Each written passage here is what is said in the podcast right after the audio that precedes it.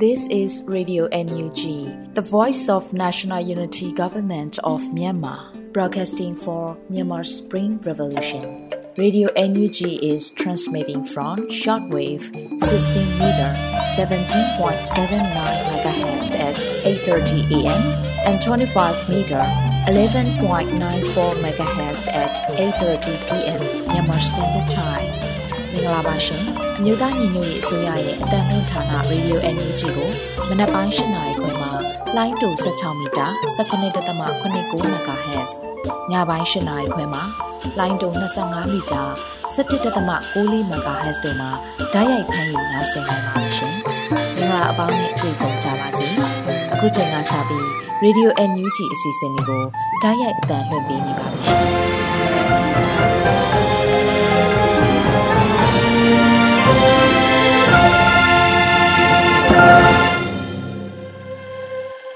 မြန်မာနိုင်ငံသူနိုင်ငံသားအပေါင်းတဘာဝဘေးစစ်အာဏာရှင်ဘေးတို့မှကင်းဝေးပြီးကိုစိတ်နှပြချမ်းသာချမ်းသာဘေးကင်းလုံခြုံကြပါစေလို့ Radio NUG ဖွဲ့သားတွေကဆုတောင်းမြတ်တာပို့သလိုက်ပါတယ်ခင်ဗျာမင်္ဂလာညနေခင်းပါခင်ဗျာဒီကနေ့2024ခုနှစ်မတ်လ3ရက်နေ့ Radio NUG ညပိုင်းအစီအစဉ်များကိုစတင်ထုတ်လွှင့်ပေးပါတော့မယ်ပထမဦးစွာ Radio NUG စည်ရေးသတင်းကောက်နှုတ်ချက်ကိုရန်နိုင်က ဖတ်ကြားတင်ပြပေးမှာဖြစ်ပါတယ်။ Radio NUG သောရရှင်များမင်္ဂလာပါခင်ဗျာ။ခုချိန်အစပြီး2024ခုနှစ်မတ်လ3ရက်နေ့ညပိုင်း Radio NUG စည်ရေးသတင်းကောက်နှုတ်ချက်တွေကိုကျွန်တော်ရန်နိုင်ကတင်ဆက်ပေးသွားမှာဖြစ်ပါတယ်။ပထမဆုံးတင်ဆက်ပေးခြင်းတဲ့စည်ရေးသတင်းကတော့ဘူးတလင်မြို့မှစကန်မှဗျူဟာမှုချင်းရန်နာမခကိုချောဆွဲက ကား၃စီးနဲ့လာတဲ့စကားဆတက်များကာဝေးတက်ကပြစ်ခတ်လို့နှစ်ဦးသေပြီး၅ဦးပြင်းထန်ဒဏ်ရာရရှိသွားတယ်ဆိုတဲ့သတင်းပဲဖြစ်ပါတယ်။စကိုင်းတိုင်းပုတလင်မြို့မှာစကန်မှာဗျူဟာမှုချင်းရဲ့နာမခကိုချောဆွဲကကား၃စီးကနဲ့လာတဲ့စကားဆတက်များကာကွယ်တက်ကပြစ်ခတ်ပြီးနှစ်ဦးသေ၅ဦးပြင်းထန်ဒဏ်ရာရခဲ့တယ်လို့မလ2ရက်နေ့မှာမုံရွာခရိုင်အမှတ်20 BOB တရင်ကအသိပေးဖော်ပြပါတယ်။စကိုင်းတိုင်းဒေသကြီးမုံရွာခရိုင်ဗုဒ္ဓလင်မြို့နယ်မှာ ဖေဖော်ဝါရီလ29ရက်နေ့မနက်9:00မိနစ်50ဝန်းကျင်မှာဘူးတလင်မြို့မှစခန်းမှဗျူဟာမှုချင်းရန်နမခကိုပြည်သူကားများအားချောဆွဲကကား၃စီးကနဲ့ဘုံရွာရေဦးကားလမ်းမကြီးအတိုင်းသွားရာရောင်မငယ်ရွာအနီးမိုးကိုပိုင်ထက်တန်းကျောင်းအရောက်မှာဘုံရွာခန့်အမှတ်20 BOB တရင်နဲ့မြို့နယ်ကာကွယ်ရဲဘော်တူတို့ကလမ်းမှာကြိုတင်ဆောင်ဆိုင်က10မိနစ်ခန့်ပြစ်ခတ်တိုက်ခတ်ခဲ့တယ်လို့ဆိုပါတယ်။တိုက်ခတ်မှုကြောင့်စကားစဘက်ကဦးကောင်းနဲ့ရင်ဘတ်ထိမှန်သူ2ဦးသေဆုံးပြီး 9ဦးထပ်မံပြင်းထန်ဒဏ်ရာရကနာမခကိုဆက်မသွားနိုင်ပဲဘူးတလင်မြို့မှစခန်းသို့ပြန်လည်ဝင်ရောက်သွားတယ်လို့သိရပါတယ်ခင်ဗျာအခုတကပုံနာကျော်ရေသိတောင်ဘူးသီးတောင်နဲ့မောင်တော်မြို့ရှိစစ်စခန်းများကိုသိမ်းပိုက်နိုင်ရေးအေးအေးထိုးစစ်ဆင်တဲ့ဆိုတဲ့သတင်းကိုလည်းတင်ဆက်ပေးကြပါမယ်ရခိုင်ပြည်နယ်အတွင်းမှာရှိတဲ့ပုံနာကျွန်းရသိတောင်ဘူးသီးတောင်နဲ့မောင်တော်မြို့တွေမှာရှိတဲ့လက်နက်ချအညံ့ခံခြင်းမရှိတဲ့စစ်ကောင်စီတပ်စခန်းတွေကိုသိမ်းပိုက်ရရှိနိုင်ဖို့ ထိုးစစ်ဆင်တိုက်ခိုက်နေတယ်လို့ရခိုင်တပ်တော် AA ကပြောပါတယ်။ရခိုင်တပ်တော်ရဲ့တိုက်ပွဲသတင်းတွေကိုထုတ်ပြန်ရမှာအခုလိုထဲသွင်းပြောဆိုလိုက်တာပဲဖြစ်ပါတယ်။လက်နက်ချအညံ့မခံသေးတဲ့အကြမ်းဖက်စစ်ကောင်စီတပ်ရဲ့တရင်စခန်းတွေနဲ့နေကြားဆောင်တပ်စခန်းတွေအပြင်လက်နက်ကြီးစခန်းတွေကိုပါတရက်မှရန်နာခြင်းမရှိဘဲဆက်လက်ထိုးစစ်ဆင်တိုက်ခိုက်နေတယ်လို့ AA ကအသိပေးပါတယ်။ဒါကြောင့်မလ၁ရက်နေ့နဲ့၂ရက်နေ့တွေမှာပုံနာကျွန်းရသေးတောင်ဘူးသီးတောင်နဲ့မောင်နှောမြို့တွေမှာတိုက်ပွဲတွေဖြစ်ခဲ့ရမှာ ရခိုင်တပ်တော်ရဲ့ထိုးစစ်နဲ့အကြမ်းဖက်စစ်ကောင်စီရဲ့ကြီးရေလေခုခံစစ်တို့အကြားမှာတိုက်ပွဲတွေပြင်းထန်နေတယ်လို့သိရပါတယ်။ဘုံနာကျွန်းမြို့မှာစစ်ကောင်စီရဲ့တခုတည်းသောလက်ကျန်တရင်ဖြစ်တဲ့ခမရ950အားရခိုင်တပ်တော်မှအပိသက်သိမ့်ပတ်ရယူနိုင်ရေးအတွက်ထိုးစစ်အရှိန်မြင့်ထားတာကြောင့်ရန်သူဘက်မှလည်းကြီးရေလေခုခံစစ်နဲ့လောင်းတို့စကန်မကြရှုံးစေရေးအသေးအတန်ခုခံကာကွယ်နေတယ်လို့ရခိုင်တပ်တော်ကပြောပါတယ်။အလားတူမောင်တော်မြို့နယ်မြောက်ပိုင်းမှာရှိတဲ့စစ်ကောင်စီရဲ့ရန်အောင်ပြင်စကန်ကိုလည်း ဆက်လက်ထိုးစစ်ဆင်တိုက်ခိုက်နေတယ်လို့ရခိုင်တပ်တော်သတင်းနဲ့ပြန်ကြားရေးကထုတ်ပြန်ထားပါတယ်ခင်ဗျာအခုဆက်လက်ပြီးစစ်ကောင်စီကပအိုးတိုင်းရင်းသားများနေထိုင်ရာမြို့ရွာများကိုလေရင်များအတွဲလိုက်ပစ်ဒုံများလက်နက်ကြီးများနဲ့ပစ်ခတ်ဖျက်ဆီးနေတဲ့ဆိုတဲ့သတင်းကိုလည်းတင်ဆက်ပေးပါမယ်ရှမ်းပြည်နယ်တောင်ပိုင်းကပအိုးတိုင်းရင်းသားအများစုနေထိုင်ရာမြို့ရွာတွေကိုအကြမ်းဖက်စစ်ကောင်စီတပ်တွေကလေရင်များအတွဲလိုက်ပစ်ဒုံများလက်နက်ကြီးများသုံးပြီးအကြောင်းမဲ့ပစ်ခတ်ဖျက်ဆီးနေတယ်လို့ ဘိုးအမျိုးသားလွတ်မြောက်ရေးတပ်မတော် PNL ကထုတ်ပြန်ပြောဆိုလိုက်ပါတယ်။မလတရနေ့ည9:00နာရီချိန်ကမှတိုက်ပွဲဖြစ်တာမရှိတဲ့စီဆိုင်မြို့ကိုစစ်တပ်က Jet Fighter 2စင်းနဲ့၄ကြိမ်လာရောက်ပြီးဘုံကျဲတိုက်ခိုက်ခဲ့တာနဲ့ပတ်သက်လို့အခုလိုပြောဆိုလိုက်တာဖြစ်ပါတယ်။အလားတူမလ2ရက်နေ့မှာလဲ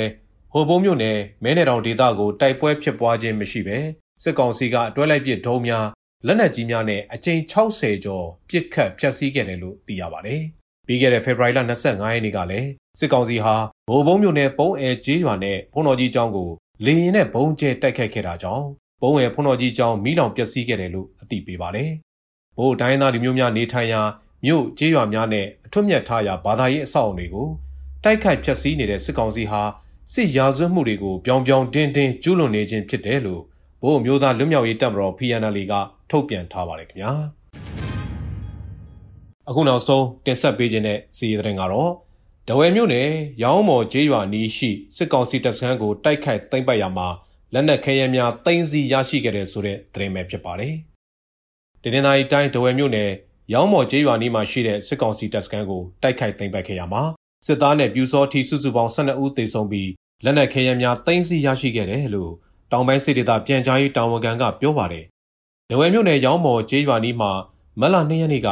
အကြမ်းဖက်စစ်ကောင်စီတပ်သား12ဦးနဲ့ပြူစောတိအဖွဲ့နေထိုင်ရာစစ်စခန်းကိုတိုက်ခိုက်သိမ်းပိုက်ခဲ့တာလို့သိရပါတယ်။အဲ့ဒီစခန်းသိမ်းတိုက်ပွဲမှာစစ်သား12ဦးသေဆုံးပြီးတနက်12လက်သိမ်းပိုက်ရရှိခဲ့တယ်လို့တောင်ပိုင်းစစ်ဒေသကအသိပေးပါတယ်။စစ်သားအလောင်း12လောင်းနဲ့တနက်12လက်သိမ်းဆည်းရရှိပါတယ်။စစ်သားနဲ့ပြူစောတိတချို့ထွက်ပြေးသွားတဲ့အတွက်စခန်းကိုမိရှုရှင်းလင်းပြီးထိမ့်သိမ်းထားပါတယ်လို့တောင်ပိုင်းစစ်ဒေသပြန်ကြားရေးတာဝန်ခံကပြောပါတယ်။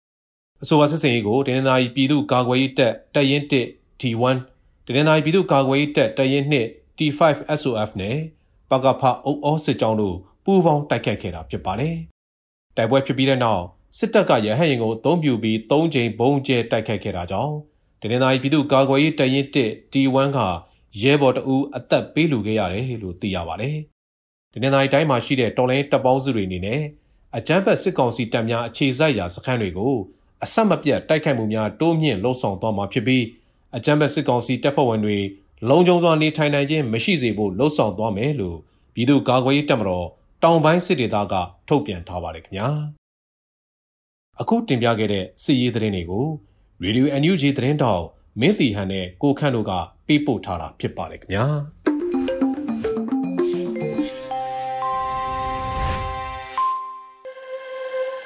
စီရေးသတင်းကောင်းလို့ချက်ပြီးမှတော့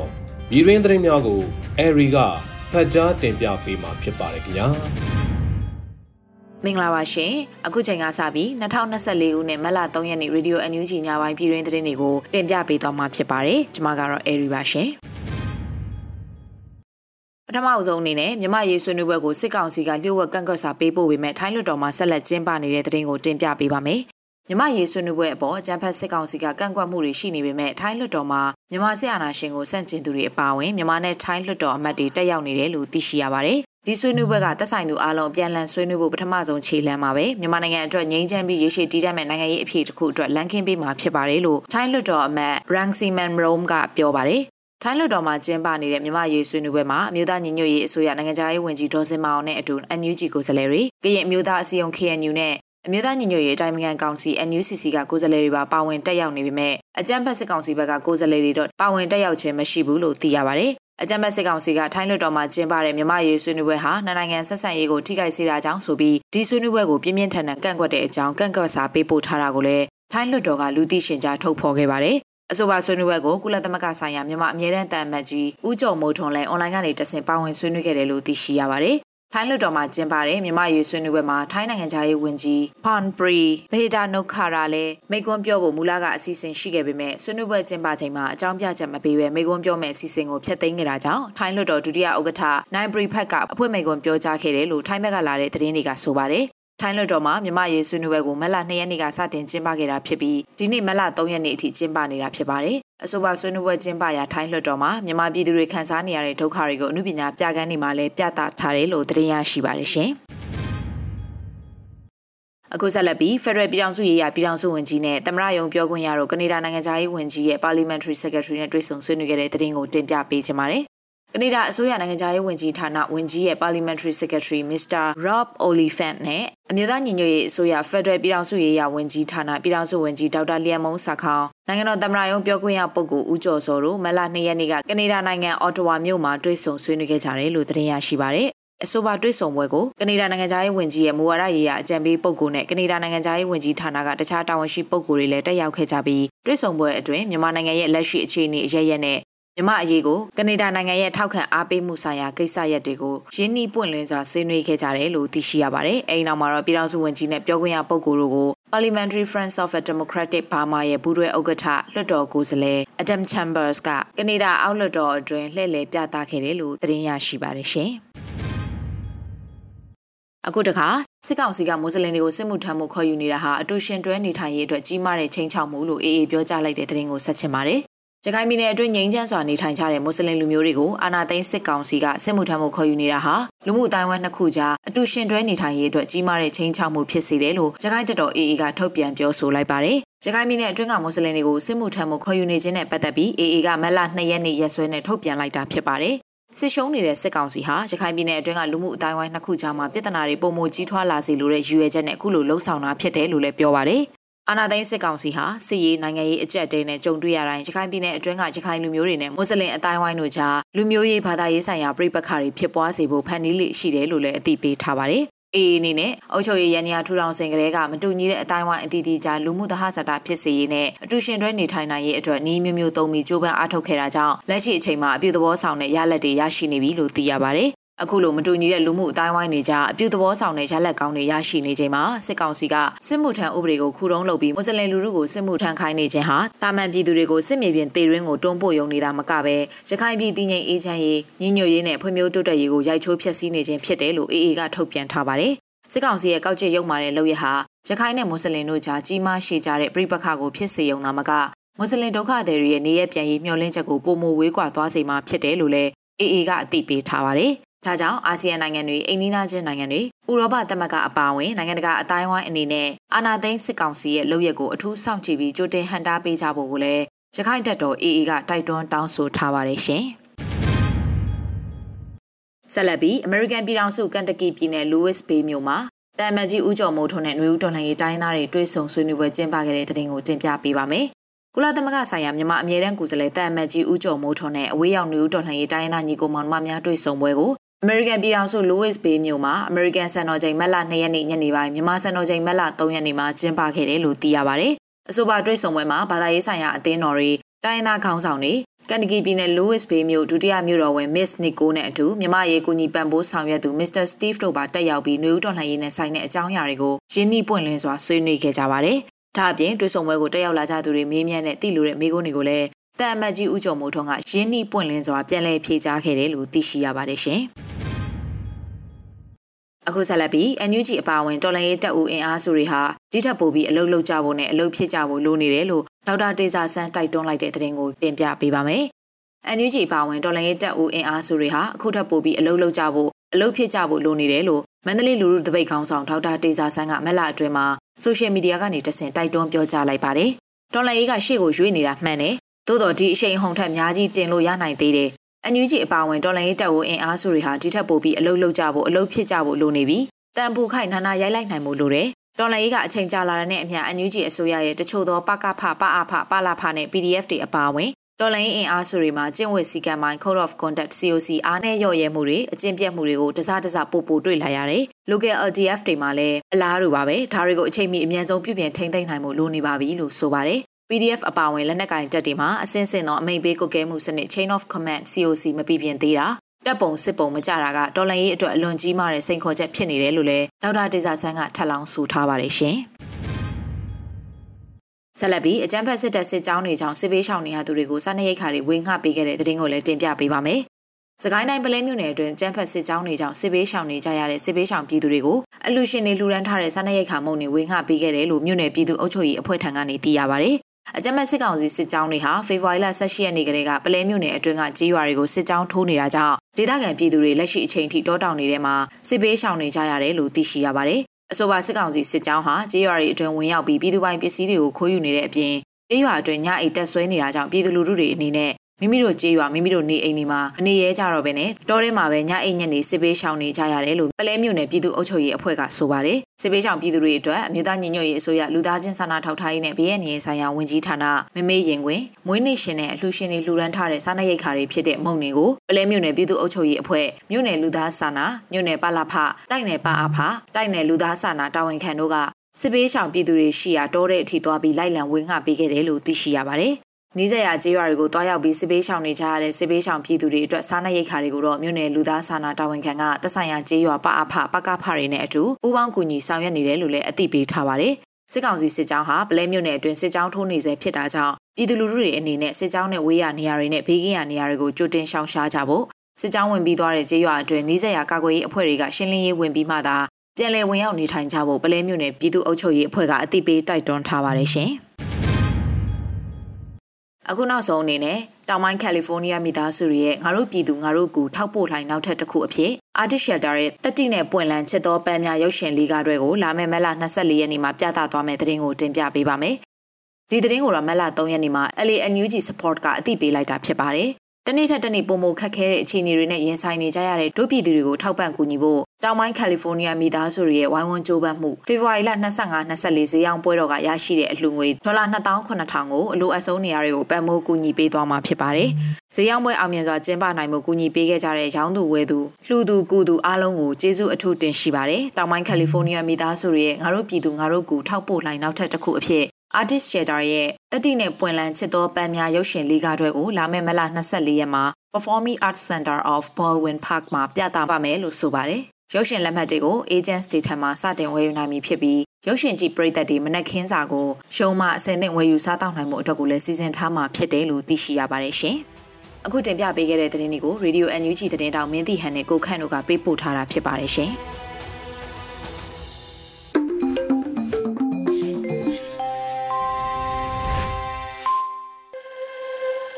Radio NUG သောတာရှင်များခင်ဗျာအခုတခါတယ်လီကျမ်းမာကြရာအစီအစဉ်မှာဒေါက်တာလီယိုနယ်လင်းထက်ရေးသားပြီးຫນွေဦးမိုးခန်းစားရွတ်ဖတ်ထားတဲ့ຫນွေတင်ကြပြကိုခန်းစားနားဆင်ကြရမှာဖြစ်ပါတယ်ຫນွေတိန်ငါရေပေါ်ဟာလေးလံမှုတွေတဲဆောင်နေတဲ့တိမ်တိုက်တစ်ခုပေါ်သူနေခဲ့တဲ့ရွာလေးလောင်ကျွမ်းသွားလို့ ထွက်ခဲ့တဲ့မိခိုးမှွေတွေဟာလေငါရဲဘောကိုလေးလံစေခဲ့တယ်အိမ်ရဲ့စေဖို့မိသားစုရဲ့စွန့်ခွာထွက်ပြေးနေရခြင်းတွေဟာငါရဲဘောကိုလေးလံစေခဲ့တယ်စကလုံးအထုတွေပြောတတ်တဲ့အာနာယူဘိုကျုပ်တွေရဲ့စကြက်ကွင်းပင်နိုင်ငံတော်ကလေငါရဲဘောကိုလေးလံစေခဲ့တယ်ငါရဲဘောဟာလေးလံမှုတွေနဲ့ညှို့နေတဲ့တိမ်တိုက်တစ်ခုပေါ့သူ့ရဲ့လေးလံမှုတွေကိုအပြေရှာဖို့ မောင်းပြန်တက်လက်ရဲ့လေးလံမှုနဲ့ထပ်ပေါင်းဆက်ခဲ့တဲ့တိမ်တိုက်တစ်ခုဆိုလေဟုတ်တယ်အခုအချိန်မှာတန်ရာကြောင့်တောင်မထမ်းနိုင်တော့မှစိုးရင်တဲ့တိမ်တိုက်တစ်ခုအဖြစ်ငါရဲပေါ်ဟာပုံမူလေးလံလို့ပေါ့သူ့ကိုယ်ပေါ်မှာလေးလံမှုအပြည့်တင်ထားတဲ့တိမ်တိုက်တစ်ခုကိုငါဟာကဲထုတ်ထမ်းဖို့ခေါ်လာခဲ့တယ်ထိုတိမ်တိုက်မှာရည်ရွယ်ချက်တစ်ခုရှိတယ်ဆိုတာငါသိနေတယ်သူ့ရဲ့ လေးလံမှုတွေအားလုံးကိုမိုးဆက်မိုးပေါက်အဖြစ်ပြောင်းလဲခြင်းခဲ့တယ်။ကဘာမြေအေးမြဖို့ပါငါရဲဘော်တိမ်တိုက်ကိုထမ်းဖို့ရင်ငါဟာဆက်လက်လေးလံနေခြင်းတယ်။နှွေးဆိုတာမိုးရဲ့အစဖြစ်တယ်။ဒေါက်တာလီယိုနယ်လင်းထန်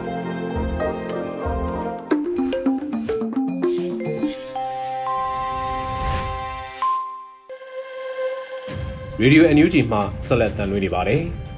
အခုတခါထိုင်းလွတ်တော်ကမြမအရေးဆွေးနွေးမှုအကျိုးသက်ရောက်နိုင်ခြင်းဆိုတဲ့ခေါင်းစဉ်နဲ့မြန်မာနွေဦး Chronicle မတ်လ2ရက်မြင်ကွင်းမိုးမခဆောင်းပါကိုရွေဦးမွန်ကဖတ်ကြားတင်ပြပေးသွားမှာဖြစ်ပါတယ်ခင်ဗျာမြန်မာနွေဦး Chronicle မတ်လ2ရက်မြင်ကွင်းထိုင်းလွတ်တော်ကမြမအရေးဆွေးနွေးမှုအကျိုးသက်ရောက်နိုင်ခြင်း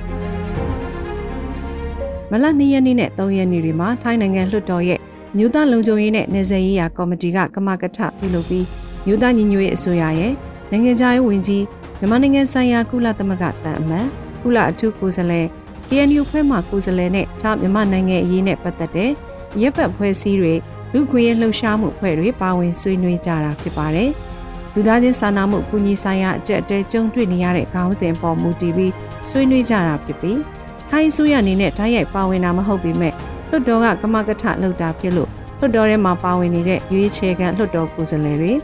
လွှတ်တော်ဥက္ကဋ္ဌစတဲ့မူဝါဒဆုံးဖြတ်နိုင်သူတွေရဲ့သဘောတူညီမှုပါဝင်နေဆိုတာထင်ရှားတဲ့အချက်ဖြစ်ပါတယ်။ရခိုင်ထိုင်းအစိုးရလက်ထက်မှာတော့အာဏာသိမ်းထားတဲ့စစ်အစိုးရနဲ့သာဓာတ်ရိုက်ထိတွေ့ဆောင်ရွက်ခဲ့တာဖြစ်ပြီးမြန်မာနှစ်ကကျင်းပတဲ့ရွေးကောက်ပွဲအပြီးတက်လာတဲ့လက်ရှိထိုင်းအစိုးရအနေနဲ့တော့အတိုင်းအတာတစ်ခုထိ စစ်အစိုးရနဲ့ဆန့်ကျင်ဘက်အင်အားစုတွေကိုအကန့်အသတ်တစ်ခုနဲ့သွဲဝိုက်ဆက်ဆံလာတဲ့အနေအထားလို့ကောက်ချက်ချမယ်ဆိုချနိုင်ပါတယ်။ငကူမူလအစီအစဉ်မှာဆွေးနွေးပွဲအဖွဲ့မှာထိုင်းနိုင်ငံသားဝင်ကြီးကအဖွင့်မှတ်ချက်စကားပြောကြားမဲ့အစီအစဉ်ထည့်သွင်းထားပေမဲ့မြန်မာနိုင်ငံစစ်အစိုးရကဒီဆွေးနွေးပွဲနဲ့ပတ်သက်လို့နိုင်ငံဆက်ဆံရေးကိုထိခိုက်စေနိုင်တယ်လို့အကြောင်းပြချက်နဲ့ကန့်ကွက်မှုရှိလာတာကြောင့်ထိုင်းနိုင်ငံသားဝင်ကြီးကဆွေးနွေးပွဲတက်ရောက်ခြင်းမပြုတော့တာလို့ယူဆရပါတယ်။ ထိုင်းလွှတ်တော်မှလွှတ်တော်ကိုယ်စားလှယ်အရေးအတွက်အများဆုံးပါတီဖြစ်တဲ့ထောက်ခံမှုအများပြားရလာတဲ့ငယ်ရွယ်တဲ့နိုင်ငံရေးသမားပီတာဦးဆောင်တဲ့ MFP ပါတီကခုဆွေးနွေးပွဲမှာတက်တက်ကြွကြွအားပေးပါဝင်တာဖြစ်ပြီးမြန်မာစစ်ကောင်စီနဲ့ရင်းနှီးတဲ့ဆက်ဆံရေးကိုထိမ့်သိမ်းထားတဲ့ထိုင်းစစ်တပ်အနေနဲ့တော့ခုလိုဆွေးနွေးပွဲမျိုးကိုသဘောတွေ့မှာမဟုတ်ပါဘူး။ဒါကထိုင်းနိုင်ငံရေးရဲ့အနေအထားကိုလည်းထင်ဟပ်ပြသတဲ့ဖြစ်ရတစ်ခုဖြစ်ပြီး မြန်မာနိုင်ငံနဲ့ပတ်သက်တဲ့နယ်စပ်ဒေသတွေကလက်နက်ကိုင်ပြပခတွေနယ်စပ်မြင်းကိုဖျက်ကျော်တိမ်းရှောင်လာတဲ့ဒုက္ခသည်ဆိုင်ရာအရေးကိစ္စတရားမဝင်နယ်စပ်ကျော်ဖျက်ဝင်ရောက်လာနေတဲ့တရားမဝင်ရွှေ့ပြောင်းလုံသားအရေးစတာတွေမှာစစ်တပ်နဲ့နိုင်ငံရေးသမားတွေကြားရှုမြင်ပုံမတူညီတာချင်းကပ်ပုံမတူညီတာကိုလည်းတွေးဆနိုင်တဲ့အနေအထားလို့ဆိုရမှာဖြစ်ပါတယ်။မြန်မာနိုင်ငံကလက်နက်ကိုင်ပြပခါတွေကြောင့်ဒုက္ခရောက်နေတဲ့စစ်ဘေးရှောင်တွေကို လက်ရှိထိုင်းဆိုရအနေနဲ့လူသားချင်းစာနာမှုအကူအညီပေးရေးရှေ့ပြေးအစီအစဉ်တရက်ကိုလည်းခုလမှာစတင်မှုရှိတဲ့အကြောင်းကြေညာထားပြီးမြန်မာနိုင်ငံဘက်ကမြန်မာနိုင်ငံချက်ချင်းဤဖွဲ့နဲ့ဆက်သွယ်ဆောင်ရွက်ဖို့လှုံ့ဆော်ထားတာဖြစ်ပါတယ်။အမေရိကန်နိုင်ငံသားဝင်ကြီးနဲ့မကြာခင်လပိုင်းမှာတွားရောက်တွေ့ဆုံခဲ့တဲ့ထိုင်းနိုင်ငံသားဝင်ကြီးကဒီအစီအစဉ်တွေကိုကမကထလှုံ့ဆော်နေတာလည်းဖြစ်ပါတယ်။ဒါပေမဲ့မြန်မာစစ်ကောင်စီရဲ့လွှမ်းမိုးမှုအောက်မှာရှိတဲ့လူလက်တဲ့အဖွဲ့အစည်းမဟုတ်တဲ့ မြန်မာနိုင်ငံကြက်ချီနီအသင်းကိုတစ်ဖက်ဖွဲ့စည်းနေတဲ့ဆက်သွဲဆောင်ရွက်ဖို့လှုံ့ဆော်ထားတာကြောင့်တိုင်းသားလက်နက်ကိုင်ဖွဲ့တွေနဲ့မြန်မာတိုက်ခန့်အဖွဲ့အစည်းအချို့ကဝေဖန်နေကြတာလည်းဖြစ်ပါတယ်။မြန်မာနိုင်ငံမှာဖြစ်ပွားနေတဲ့လက်နက်ကိုင်ပြပခတွေတနည်းအားဖြင့်စစ်ပွဲတွေကြောင့်လူသားချင်းစာနာမှုအကူအညီတွေအရေးတကြီးလိုအပ်နေတယ်ဆိုတာငင်းပွားစရာမရှိတဲ့အချက်လက်တည်းပဂရိအခြေအနေတရက်ဖြစ်ပြီးဘယ်လိုကူညီမလဲဘယ်သူတွေကကူညီမလဲဆိုတဲ့အချက်တွေကဆွေးနွေးစရာသဘောထားကွဲလွဲနိုင်တဲ့အကြောင်းချင်းရာတွေဖြစ်နေပါတယ်။ လူသားချင်းစာနာမှုအကူအညီတွေမရောက်ရှိနိုင်အောင်ရသားတွေကိုပါပိတ်ဆို့တန်းခတ်တာဖြက်လေးပြက်လောက်ရမှတရခန့်ဖြစ်တဲ့စစ်ကောင်စီနဲ့ဆက်ဆံဆောင်ရွက်ပြီးကူညီမှုတွေလှုံ့ဆော်တာမှန်ကန်ရဲ့လားဆိုတဲ့မေးခွန်းလည်းရှိနေတာဖြစ်ပါတယ်။ဒါတကအားဖြင့်အခိုင်ပြည်နယ်မှာတိုက်ပွဲတွေပြန်လည်ဖြစ်ပွားလာတဲ့2023ခုနှစ်နိုဝင်ဘာလကစလို့ပြည်내တစ်ခုလုံးကိုလူဝင်ထွက်တဲ့ကုန်စည်ကူးသန်းမှုလုံးဝနှီးပါပိတ်ဆို့ထားတဲ့အချက်က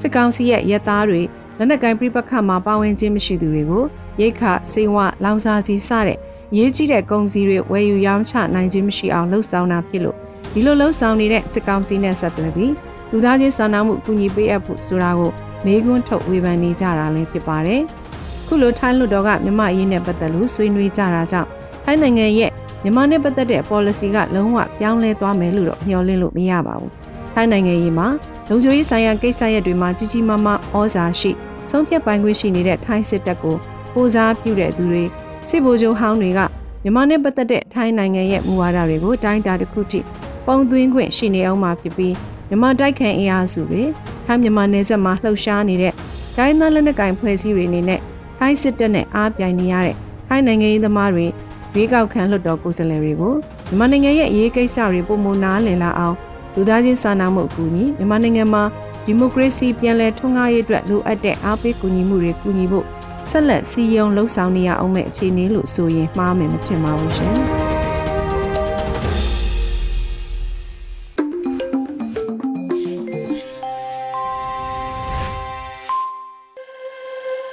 Radio NUG သောတာရှင်များခင်ဗျာဒီကနေ့ညရဲ့နောက်ဆုံးအစီအစဉ်တစ်ခုဖြစ်တဲ့ Radio NUG ရဲ့တော်လန်ရေးဒေဂီတာအစီအစဉ်မှာဂီဒီပန်ရေးသားပြီးတူတူကျော်တလင်းဂျွန်ဒက်ရစ် ချိုခိုင်တို့စုပေါင်းတည်ဆိုထားတဲ့ Rice တော်လန်ရေးသချင်းကိုခန်းစားနားဆင်ကြရမှာဖြစ်ပါတယ်ခင်ဗျာသူလဲချသွားတယ်မထားနိုင်ဘူးခွေထားမှန်ပဲလက်ပိုက်ပြီးထိုင်ချီမလေးပါလေတွေ့ချင်းတွေရဲ့နိုင်ချင်းခံရတာတင်းနေလေကွယ်ပါကြောင်းလဲကိုချင်းစာစိတ်ရင်ထဲမှာရှိစမ်းပေါင်းသိဆွေရဲ့မဖြစ်တဲ့နဲ့ဖြစ်တဲ့တွေ ဒူးနဲ့တေးပဲတို့ကပါကြည့်တယ်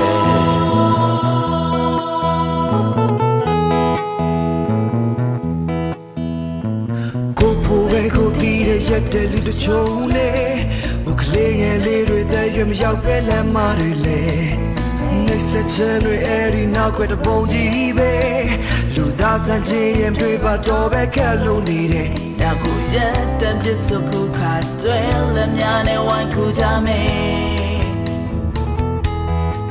ဆိုင်လူကြီးပဲမလို့နေတော့လားမြတ်တဲ့လူရဲ့ခွင့်ရည်တွေ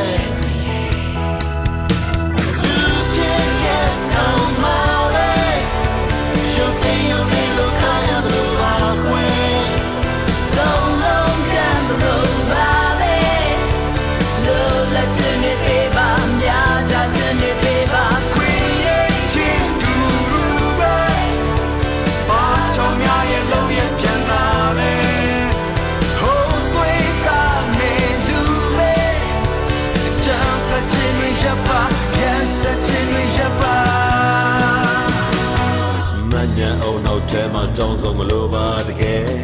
တို့ပဲမဲ့လူသားဆန်တဲ့စိတ်ရင်ကောင်းလို့တယ်မြဝေဖြန့်ဝေပေးပါတည်တဲ့ play ဖို့အတွက်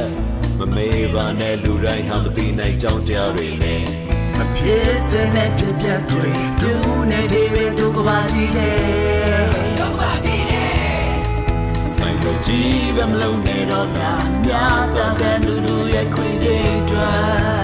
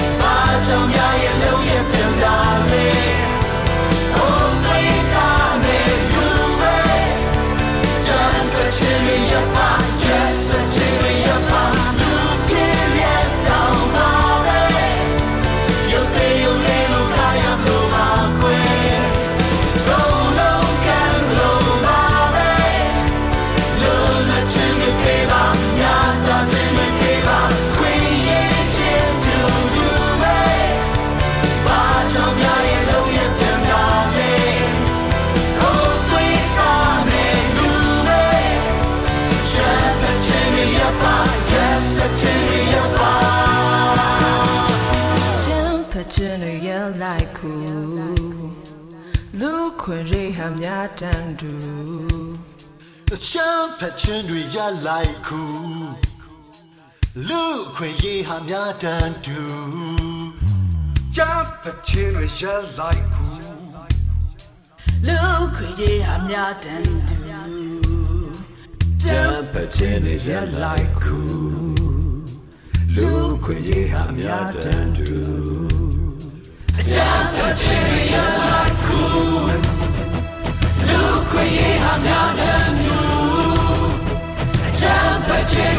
လိုက်ခု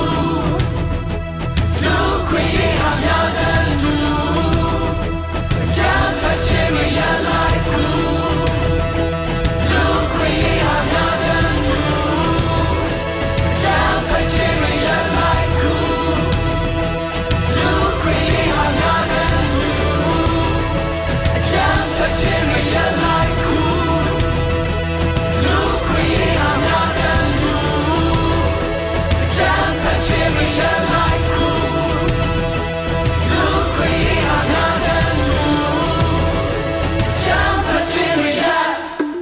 ဒီကနေ့ကတော့ဒီညနဲ့ပဲ Radio NUG ရဲ့အစီအစဉ်လေးကိုခਿੱတရနာလိုက်ပါမယ်ရှင်။မြမစံတော်ချိန်မနက်၈နာရီခွဲနဲ့ည၈နာရီခွဲအချိန်တွေမှာပြန်လည်ဆုံတွေ့ကြပါစို့။ Radio NUG ကိုမနက်ပိုင်း၈နာရီခွဲမှာလိုင်းတူ16မီတာ19.89 MHz